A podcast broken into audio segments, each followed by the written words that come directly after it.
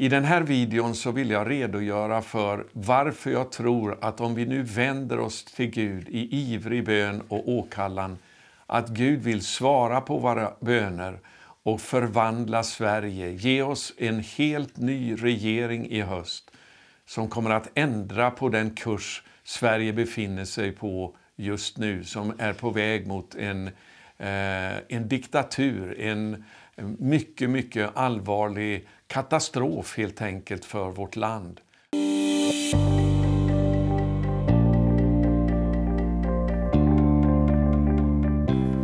Sverige befinner sig idag i en otroligt allvarlig eh, kris. En väldigt svår situation. Bara det faktum att vi idag aborterar motsvarande antal invånare i en medelsvensk stad varje år plus att eh, kärnfamiljernas antal minskar mer och mer gör att rent statistiskt sett så finns det faktiskt ingen framtid för Sverige. Och det här kan man bara inte råda bot på genom att importera ett främmande folk med en helt annan kultur och en helt annan religion och tro att det ska gå eh, smärtfritt och bara eh, att allting ska fortsätta som det gör idag. Jag har redogjort för det här i en video som heter eh, Varning inför valet. Eh, och jag tänker inte gå in på det mer i den här videon. Eh, mer än att säga det att på morgonen den 12 januari i år, 2018, så väcktes jag av att eh, Guds ande talade till mig några väldigt allvarliga ord. Eh, och jag ska läsa dem här igen. Det som sker nu i Sverige ingår i en medveten strategi att bryta ner samhället för att kunna införa antikrists diktatur. De här orden slog ner som en bomb för mig och eh, jag har aldrig varit densamme sedan dess. Jag har börjat att be för vårt land som aldrig förr och Gud har också kallat mig att resa upp nu bön för Sverige eh, jag har uppmanat människor att be sju minuter på knä varje dag eh, för att Gud ska rädda Sverige. Och jag kallar det här för Sverige 7.14. Men i den här videon så vill jag tala om eh, varför jag tror att Gud har möjlighet att kunna ändra på den här situationen i Sverige. Jag tror för att Gud kommer att svara på våra böner. Det här året är ett valår. Eh, Sverige befinner sig i vågskålen. Eh, men jag tror att om vi nu söker Herren av allt vårt hjärta så kommer Gud att svara på våra böner och eh, ge oss en ny regering i höst som kommer att börja leda det här landet i en annan riktning för att rädda dig från en avgrund. Och vad har jag då för orsak till att säga det? Jag ska ge dig sju stycken anledningar till varför jag tror att eh, vi kommer att få se ett ingripande från Gud som svar på våra böner. Därför att det är så här att efter det här uppropet har gått ut till att be för Sverige nu i samband med valet så är det flera stycken som har hört av sig och sagt att eh, det är helt lönlöst. Eh, det är kört för Sverige. Det är för sent att börja bedja nu Eh, och eh, det är eh, ingen idé helt enkelt. Men eh, jag vill ge dig alltså sju orsaker till varför jag tror att det inte är för sent utan Gud kan gripa in. Och det första det är, orsaken den är ju väldigt enkel och väldigt klar och det är att vi har en Gud som lever och han svarar på bön. Och Det löfte som vi har utgått ifrån i den här bönekampanjen nu, Sverige 7.14, det är ju det som står i Andra krönikeboken kapitel 7 och vers 14. Jag ska läsa de eh, orden här. Men mitt folk som är uppkallat efter mitt namn ödmjukar sig och ber och söker mitt ansikte och omvänder sig från sina onda vägar. Då vill jag höra det från himlen och förlåta deras synd och skaffa läkedom åt deras land. Och Det här behöver vi verkligen idag i Sverige. Vi behöver läkedom. Och om vi går in på de här villkoren i den här versen här så tror jag att Gud kommer att stå också för det löfte han har gett. Nämligen om vi ödmjukar oss, om vi vaknar upp ifrån vår andliga eh, försoffning Eh, och börjar att be som aldrig förr, söka Guds ansikte eh, och sedan omvänder oss från våra onda vägar. Då kommer Gud att höra våra böner. Han kommer att förlåta våra synder och skaffa bot åt Sverige. Ge läkedom åt hela Sverige. Och ett bibelord som har uppmuntrat mig i samband med det att jag har börjat att be är det som står i Andra krönikebokens 20 kapitel och vers 6. Det är i samband med att Josafat kallade på alla i Juda att komma inför Herren på grund av att de stod i en allvarlig kris. Ett eh, folk som var långt mycket större än eh, judarna. Invånarna i Juda eh, stod vid gränsen redo att invadera landet. Och Det fanns mänskligt sett ingen möjlighet för eh, folket att klara sig. Men vad de gjorde var att man tog fasta på det här löftet i Andra krönikeboken 7 och 14. Ödmjukade sig inför Gud, sökte hans ansikte, fastade. Och Josafat börjar då att be så här. Herre, våra fäders Gud, är inte du Gud i himmelen och den som råder över alla hedna folkens riken? Ja, Gud råder fortfarande över Sverige. Han har all makt i himmelen och på jorden. Och han har eh, möjlighet fortfarande att kunna rädda det här landet. Det står så här i resten av versen.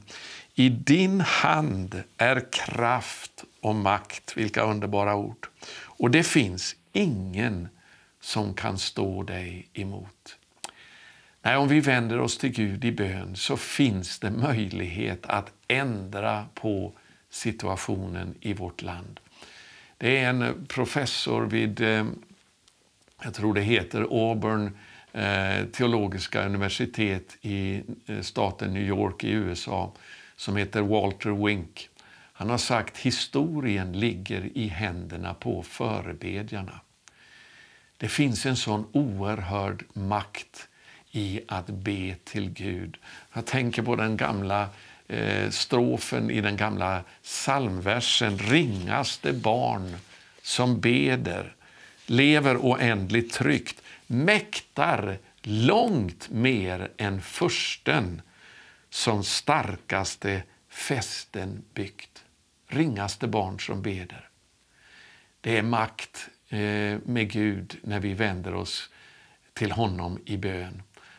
Och Vi behöver få se bedjare nu resas upp i det här landet som har samma rykte om sig som vad John Knox hade under reformationen i Skottland när drottningen Mary sa jag fruktar John Knox böner mer än hela Englands armé.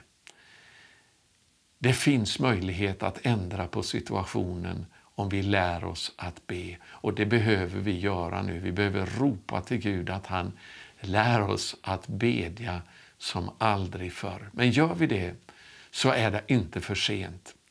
Gud är den som råder över hedna folkens riken. Han har fortfarande makt att komma, förlåta våra synder och eh, skaffa läkedom åt hela vårt land. Så det är den första orsaken, att Gud lever och fortfarande svarar på bön. Den andra orsaken det är att det är aldrig för sent att omvända sig. Visst finns det konsekvenser om vi går vidare eh, utan att göra det. Och jag eh, har sagt det att jag, om vi inte nu tar vara på tillfället vi har det här året att eh, ropa till himmelens Gud om en förändring så kan det hända att vi får inget mer demokratiskt val i det här landet. För diktaturen den håller på att eh, eh, öka nu. Uh, vi ser det hela tiden på olika sätt. Uh, hur diktaturen håller på att införas faktiskt nu i Sverige.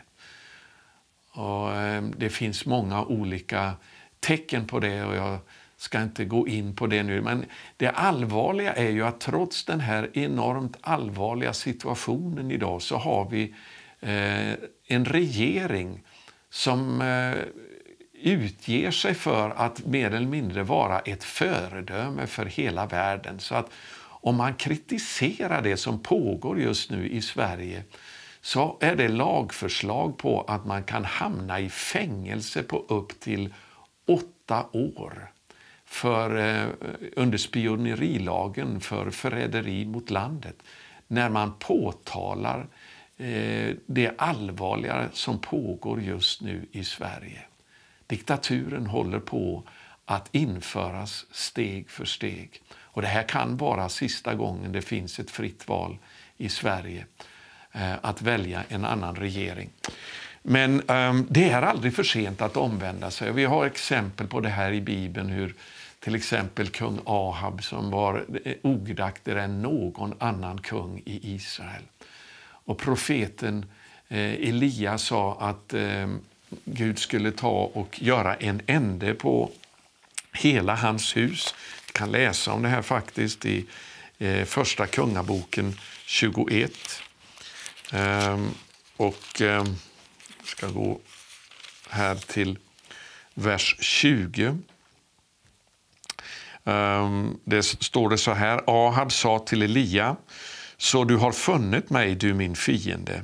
Han svarade, ja, jag har funnit dig, eftersom du har sålt dig till att göra det som är ont i Herrens ögon ska jag också låta det som är ont komma över dig och sopa bort dig och av Ahabs hus ska jag utrota all, alla av mankön, både slavar och fria i Israel.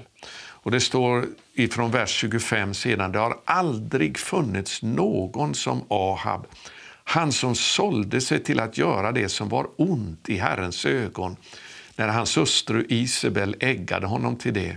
Mycket avskyvärt gjorde han när han följde de eländiga avgudarna, alldeles som amorena hade gjort det som Herren fördrev för Israels barn. Men se här nu vad som står i vers 27. När Ahab hörde det Elia sa rev han sönder sina kläder och svepte säcktyg om sig och fastade. Han låg klädd i säcktyg och gick tyst omkring. Då kom Herrens ord till tisbiten Elia. Han sa, har du sett hur Ahab ödmjukar sig inför mig? Därför att han ödmjukar sig inför mig ska jag inte låta olyckan komma i hans tid. Först i hans sons tid ska jag låta olyckan komma över hans hus. Vi ser hur snar Gud är till att gensvara när någon ödmjukar sig och omvänder sig till honom. Eh, och likadant så vill jag ge exemplet ifrån Andra krönikeboken kapitel 33 om eh, kung Manasse. Jag ska läsa vad som står där ifrån vers 9 till och med 13. Men Manasse förledde Juda och Jerusalems invånare så att det gjorde mer ont än det folk som Herren hade utrotat för Israels barn. Herren talade till Manasse och hans folk, men det gav inte akt på hans ord. Då lät Herren den assyriske kungens arméer komma över dem. De slog Manasse i bojor och fängslade honom med kopparbojor och förde honom till Babel.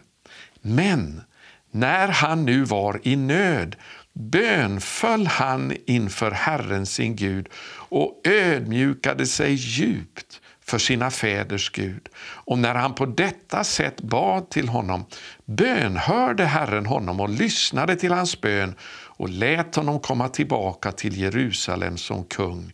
Då insåg Manasse att det är Herren som är Gud. Ja, det här är bara två exempel på hur Gud kan ändra på situationen väldigt snabbt när någon Eh, eller ett folk omvänder sig till honom och ropar till honom om nåd. Eh, jag tänker också på hur det var innan Gideon kom och eh, räddade Israels folk ifrån midjaniterna. De hamnade ju då under midjaniterna i sju år Men när det står att de började ropa till Herren så kunde inte Herren se lidandet för Israels folk utan han var tvungen att gripa in. Och Det kan han göra också i, idag i Sverige. Det är aldrig för sent att vända om till honom. Nu är frälsningens dag. Nu är den välbehagliga tiden. Nu är det tid att söka Herren som aldrig förr. Och Gud är trofast och kommer att svara på bön. Han kommer inte att svika sina löften. Och Det tredje som jag vill säga det är att när man tittar i Bibeln på när Gud sände räddning, jag tänker på profeterna både Samuel, Elia och även Johannes döparen. så kan man se att Gud gjorde det just när det var som allra mörkast. Det var då som Gud grep in och förvandlade situationen genom att någon kom som började predika omvändelse till Herren. Och Därför så är det en uppmuntran nu att nu när det ser så omöjligt ut i Sverige, det är nu vi kan förvänta oss att Gud också ska komma med räddning. Det leder mig till nästa punkt här och det är att Gud han väljer ibland att vänta till dess att det har blivit rent omöjligt mänskligt sett att göra något åt situationen enbart för att han ska få äran när det blir en förvandling. Och det kan man säga, sker det en förvandling nu i Sverige då är det ett bevis på att Gud har svarat på sitt folks böner. För mänskligt sett är det ute med vårt land nu. Jag menar, vi behöver inte gå till predikanter som talar domsprofetier över Sverige. Det gör förresten ingen längre. Det verkar väldigt tyst i, i kyrkorna om det. Det finns eh, profana profeter så att säga som talar om att eh, framtiden är eh, väldigt, väldigt eh, mörk för Sverige om det fortsätter som det gör nu. Så ska jag gå till nästa punkt här och eh, innan det så vill jag bara säga det att idag så är svensken känd för att vara en väldigt försiktig, blyg människa som inte vill eh, bråka eller göra väsen utav sig. Och faktum är att svensken är känd för att vara feg. Eh, men så har det inte alltid varit. Idag så verkar det som Sverige tillber trygghet och man tror att om man bara låter saker och ting gå så kommer det att bli bra. Men så är det inte.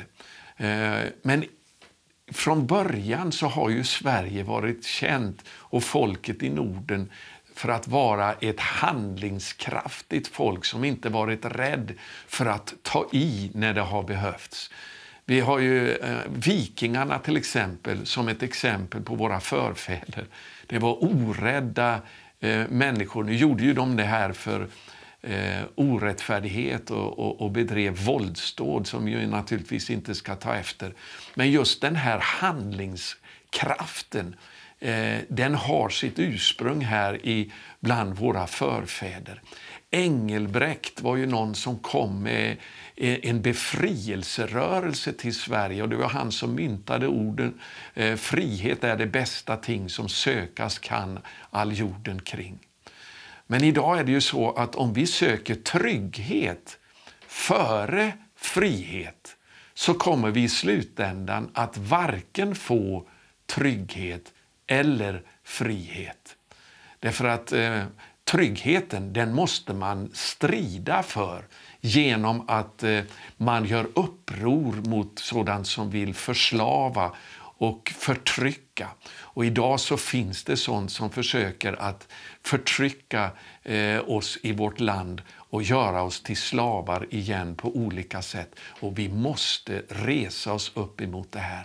Gustav Vasa reste sig upp emot förtrycket ifrån eh, de som behandlade Sverige orättvist och förtryckte det eh, och skapade frihet för vårt land. Ett land byggt på respekt för Gud och hans ord. Gustav II Adolf eh, han gick ut i härnadståg för att rädda reformationen i hela Europa. Ja, exemplen är många ifrån vår historia av att vi all, inte alltid har varit så här, eh, eh, eh ska säga, saknat handlingskraft till att strida mot sånt som är ont. Och jag ber nu att Gud ska uppväcka den rätta vikingaanden i vårt land till att resa sig mot sånt som är fel. Att lejonet av Judas stam ska vakna upp i församlingen i Sverige och ryta eh, emot all ondska och orättfärdighet. Och jag talar till församlingen i Sverige, vakna upp innan det är för sent. Därför om vi inte gör någonting åt situationen nu så kommer inte vi att vara de första som går under utav främmande makter. Eh, det har hänt förut i historien. Jag ska inte gå in på det nu för det är inte mitt budskap i den här videon. Jag vill tala om istället vad orsaken är till att jag tror att det kan bli en förändring. Och En av de orsakerna är att det finns i botten i den svenska folksjälen en kämparglöd för sånt som är rätt. Och vi ska be att den vaknar upp i bland folket innan det är för sent. Det är inte omöjligt. Den sjätte orsaken till varför jag har tro att Gud ska svara på våra böner och förvandla Sverige. Alltså det här är inte bara önsketänkande nu från min sida. Det här är orsaker som jag har sett när jag har sökt Herren. Och Det är något som jag kallar för eh, arvet från Sebulon och Naftali. Det där låter konstigt, men jag ska förklara. Låt oss gå till Matteus, det fjärde kapitlet. Så ska vi läsa där ifrån eh, den trettonde versen. Matteus, det fjärde kapitlet ifrån vers 13, om när eh, Messias kom första gången. Det står han lämnade Nasaret och bosatte sig i Kapernaum som ligger vid sjön på Sebulons och Naftalis område för att det skulle uppfyllas som var sagt genom profeten Jesaja. Sebulons och Naftalis land sjövägen, landet på andra sidan Jordan, hedningarnas Galileen. Det folk som sitter i mörker ska se ett stort ljus. Och för dem som bor i dödens land och skugga skall ett ljus gå upp. Varför gav Gud det här löftet just till Sebulons och Naftalis land? Jag vet inte om du har funderat på det, men om vi går tillbaka till Domarboken så ska vi läsa där Eh, i berättelsen om Debora och Barak. När eh, Debora profeterade för Barak vad han skulle göra. Det står ifrån Domarbokens fjärde kapitel och vers 6 så här. Eh, hon sände bud och kallade till sig Barak, Abinoams son från Kedesh i Naftali och sa till honom Har inte Herren Israels Gud befallt Drag upp på ta berget Tavor och ta med dig tiotusen man av vad då?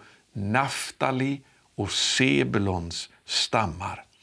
Ty jag ska dra Sisera, Jabins befälhavare med hans vagnar och skaror till dig vid floden Kishon och ge honom i din hand. Så när befrielsen skulle komma då så var det Eh, en speciell kallelse som kom på Sebulons och Naftalis stammar. Och I Deboras lovsång i det nästa kapitlet, kapitel 5, så står det om eh, så här i vers 18. Det nämns då de olika stammarna. Till exempel bland Rubens stammar så satt man bara och lyssnade på flöjtspel och höll rådslag och, och så vidare. Däremot så står det så här i vers 18. Men Sebulon var ett folk som föraktade döden. Naftali likaså på stridsfältets höjder. De här offrade sina liv för friheten den gången i Israel. Vad har det här med Sverige att göra? Jo, Sverige har sänt ut missionärer över stora delar av världen som har offrat sina liv i evangeliets tjänst. Jag tänker till exempel på missionärerna som for ut till Afrika genom Svenska missionsförbundet i slutet på 1800-talet. Eh, unga människor stod i kö för att gå ut på missionsfältet. Och det, situationen var den att de flesta av dem kom aldrig fram till missionsfältet för de dog av strapatser under vägen. Och det här gjorde att Svenska missionsförbundets ledning blev tvungen att eh, skapa en, en eh, regel där man sa att ingen får ge sig ut på missionsfältet utan att han har med sig virke till sin egen kista och en spade för att någon skulle kunna hjälpa till att begrava dem och ge dem en värdig begravning. För de flesta de visste att de flesta av dem skulle aldrig ens komma fram till slutmålet för att predika evangeliet. Och ändå så gick man ut och, och, och trotsade döden. Och dessa martyrers blod, de ropar nu inför Guds ansikte om nåd över vårt land. Och jag tror att det finns en eh, förvarat i Guds rådslut, en besökelse för våra länder upp i Norden för vad man har gjort på missionsfälten i generationer före oss. Eh, det tog ju hundratals år, alltså över tusen år, för den här gottgörelsen att komma för Sebelons och Naftalis område. Eh, när Messias kom första gången så var det just dit han kom där de här stammarna som hade offrat sig själv eh, och sina liv för att rädda sina bröder, det var dit som Messias kom. Trots att man sa i Jerusalem att eh, har någon profet kommit ifrån Galileen när de hörde talas om Jesus från Nasaret. Men eh, när det ser som mest hopplöst ut så, och det var som mörkast så kom ljuset ifrån evangeliet till just dessa områden. Och Det fanns en orsak till det på grund av att man hade offrat sina liv eh, i tidigare generationer. Och Det här har vi rätt att göra anspråk på när vi nu beder för Sverige i dess avfälliga tillstånd. Det har gått ut missionärer, bara, inte bara från Svenska missionsförbundet. Jag har visserligen min bakgrund där så jag känner till det lite grann. Min far var missionspastor, men pingstmissionärer som har gått ut. Eh, Evangeliska fosterlandsstiftelsen, Helgelseförbundet, eh, baptisterna. Alla har sänt ut missionärer till främmande länder och nu är det dags att vi får en skörd på det vi har sått genom dessa martyrers blod i, i främmande land för evangeliets skull. Halleluja. Den sjunde orsaken, och det här är väl kanske ändå den starkaste till att jag har tro för att Gud vill svara på våra böner och förvandla Sverige. För om inte det sker nu så kommer det eh, förmodligen aldrig att göra det, men jag tror att det kommer att göra det. Och det är det att Gud har en plan för Sverige och hela Norden att bli till en välsignelse, framför allt ner i Europa. Vi ska få se Gud göra ett verk här uppe i Nordens länder och framför allt i Sverige som ska få återverkningar ner över hela Europa. Herren talade till mig om det här när han kallade mig till bönetjänst för över 40 år sedan. Jag befann mig då i St. Louis, Missouri i Förenta Staterna. Han började tala till mig om Sverige, sa till mig att jag skulle återvända till Sverige och hitta människor att börja be tillsammans med. Därför att Gud ville göra ett verk i Sverige som ska få en effekt ner över hela Europa. Och Det här är någonting som eh, har bekräftats på många olika sätt genom eh, profeter genom tiderna. Jag tänker speciellt på en bok som skrevs redan 1952 utav en man som heter Rolf Wiström och som jag fick tag på när jag kom tillbaka till Sverige ifrån USA eh, 1977. Och Det här bekräftar exakt det som Gud hade talat till mig om. Jag ska läsa här ifrån Rolf Wiströms bok. Ifrån eh, sidan 28 så skriver han så här. Han citerar, börjar med att citera ifrån Hesekiel kapitel 1 och vers 4. och jag fick se en stormvind komma norrifrån. Han fortsätter. Över Nordens länder ligger ett lysande moln laddat med Guds kraft. Gud kallar människor idag att bli kanaler för denna kraft. Det är Nordens kallelsestund. Gud lägger ansvaret på oss för Europas avkristnade länder. Vi har korset i våra flaggor. Gud vill att vi ska uppleva korsets kraft i våra liv och sedan ge den vidare till Europas längtande miljoner. Ja, det här uppenbarade Gud för eh, Rolf Wiström redan 1939 och han skrev ner det i den här boken eh, Guds plan för Norden som utkom första gången redan eh, 1952. Men det här har vi ännu inte sett gå i fullbordan. Men det bekräftade exakt det Gud hade talat till mig 1977 när han kallade mig till bönetjänst. Och han sa till mig sedan eh, eh, fem år senare, nu ska du få se en början på det som jag talade om eh, 1977 när jag kallade till bönetjänst. Jag fick se en begynnelse till det här på 80-talet. Men inte slutuppfyllelsen, det har jag fortfarande väntar jag på. Och det är över 40 år sedan. Och jag tror att eh, Eh, det här, den här kallelsen den finns fortfarande kvar på Sverige och på Norden. Trots att Sverige idag kanske är det mest avkristnade landet i hela Europa eh, till, på visst sätt. Men eh, Gud, Gud ändrar inte, han ångrar inte sina kallelser och sin, sina nådegåvor. Låt mig ge ett par till bekräftelser på den här kallelsen.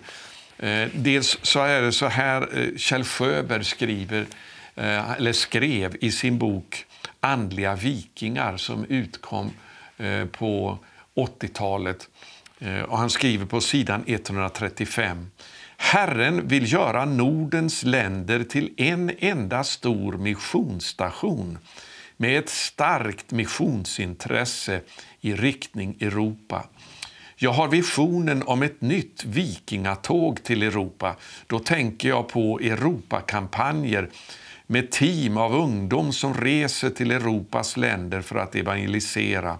Men jag tänker också på andliga gerillatrupper som reser till Europas städer på böneuppdrag för att i anden strida mot mörkrets makter för att befria människor och bana vägen för skördetider och Guds rike. Ja, det här skrev alltså Kjell Sjöberg i sin bok Andliga vikingar redan på eh, 80-talet. Men här ska du få höra e-, ett ytterligare vittnesbörd om det här som är så sent som från 2006. Och det kommer ifrån en pensionerad rektor i Norge som fick se en syn i november 2006. Samma eh, sak här upprepas nu igen. Och Det står så här i det här vittnesbördet. Jag stod på en stor karta över Europa. Plötsligt blir alla de nordiska länderna färgade blodröda så började flyta fyra röda strömmar från Norden ner över kartan genom de europeiska länderna och till Israel. Strömmarna blev bredare och bredare och uppfyllde till slut alla länderna i Europa. Den västliga strömmen gick över från Spanien till Marocko och följde Medelhavskusten till Israel. Strömmarna var människor som gick med evangeliet för att återevangelisera Europa. Strömmarna hade blodets färg. Och så avslutar han uppdraget kommer att kosta martyrers blod på vägen tillbaka till Jerusalem. Ja, det här är ett väldigt starkt vittnesbörd och det här är ju då så sent som från 2006 och det stämmer precis med det Gud talade till mig om 1977, med det som Gud hade visat Rolf Wiström redan 1939 och det Kjell Sjöberg skrev i sin bok Andliga vikingar på 80-talet. Den här kallelsen finns fortfarande kvar. Och vi ska be nu att Gud förvandlar Sverige så att den kan få bli en missionsstation, en utsändade eh, missionsbas, om man får säga så, ner över hela Europa mot Jerusalem. Det är inte för sent. I Guds hand är makt och kraft och det finns ingen som kan stå honom emot. Historien finns i förebedjarnas händer. Och det är vår uppdrag nu att åkalla himmelens Gud, flytta på mörkrets makter som har invaderat Sverige och be om en förvandling. Halleluja! Jag är så uppmuntrad sedan jag har börjat att be som aldrig förr för Sverige. Och jag tror att det här året är ett genombrottsår. Precis som det var 1982. Gud sa till mig 1982 kommer du att få se någonting hända i Mellanöstern och någonting kommer också att hända i Sverige. Och så blev det en ny väckelse. Eh, våg bröt fram det, det året över Sverige. Eh, men det är inte slutuppfyllelsen på det som Gud har talat. Det är bara en liten början. Vi ska få se Gud göra det han har tänkt med Sverige och Norden om vi tar vara på löftena nu att börja ropa till Herren och gå in i fasta och bön. Därför så kallar jag på dig, du som ser det här programmet nu, att du ska, och den här videon, du ska gå med i den här bönerörelsen nu, Sverige 7.14. Du ska börja gå ner på dina knän varje dag och börja ropa till Gud om nåd, ett uppvaknande bland Sveriges kristna. Jag får så många gripande vittnesbörd nu från människor som hör av sig till mig. Ensamma människor som går i sin bönevånda och sin bönekamp och som blir uppmuntrade av det här uppropet som vi har gjort nu. Eh, Gud vill uppfylla sina planer för Sverige och Norden. Och nu är det dags. Jag tror att det kanske också kommer att hända någonting det här året igen i Mellanöstern. Och att det kommer att bli en revolution också för vad som kommer att hända i Sverige. Vi ska få en helt ny regering som kommer att leda landet i rätt riktning. Och vi ska bli ett land som välsignar Israel. Eh, jag ska avsluta med att säga att jag har också när jag ber en liten uppmuntran utav den här stenen. Den har jag hämtat just i samma bäckfåra där David hämtade sina fem stenar när han skulle gå emot Goliat. Och det räckte med en sten som träffade Goliat mitt i pannan och segern var vunnen. Och jag tänker på den gamla Luthersalmen om vår Gud är oss en väldig borg. Och det står hur mörkrets furste stiger ned hotande och vred. Han rustar sig förvisst med våld och argan list, likväl vi oss ej frukte. Och så står det i slutet av en av de andra verserna, ett ord kan honom fälla.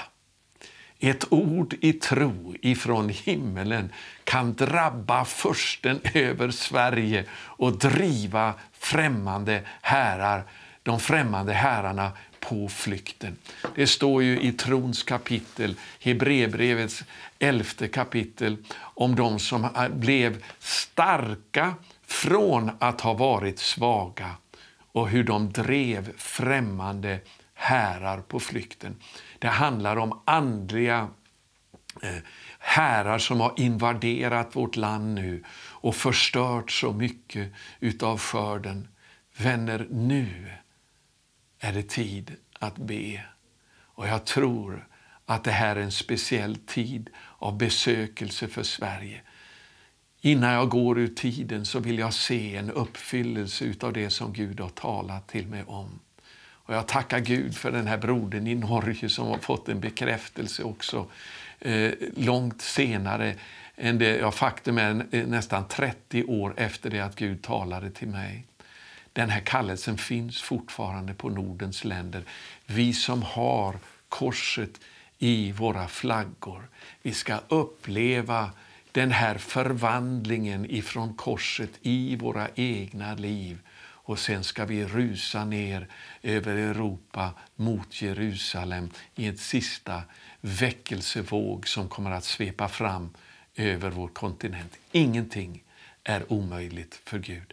Gå till min hemsida larsenarsson.com och anmäl dig till Sverige 714. Gå med i bönekampen för vårt land. Jag tror på seger. Gud välsigne dig. I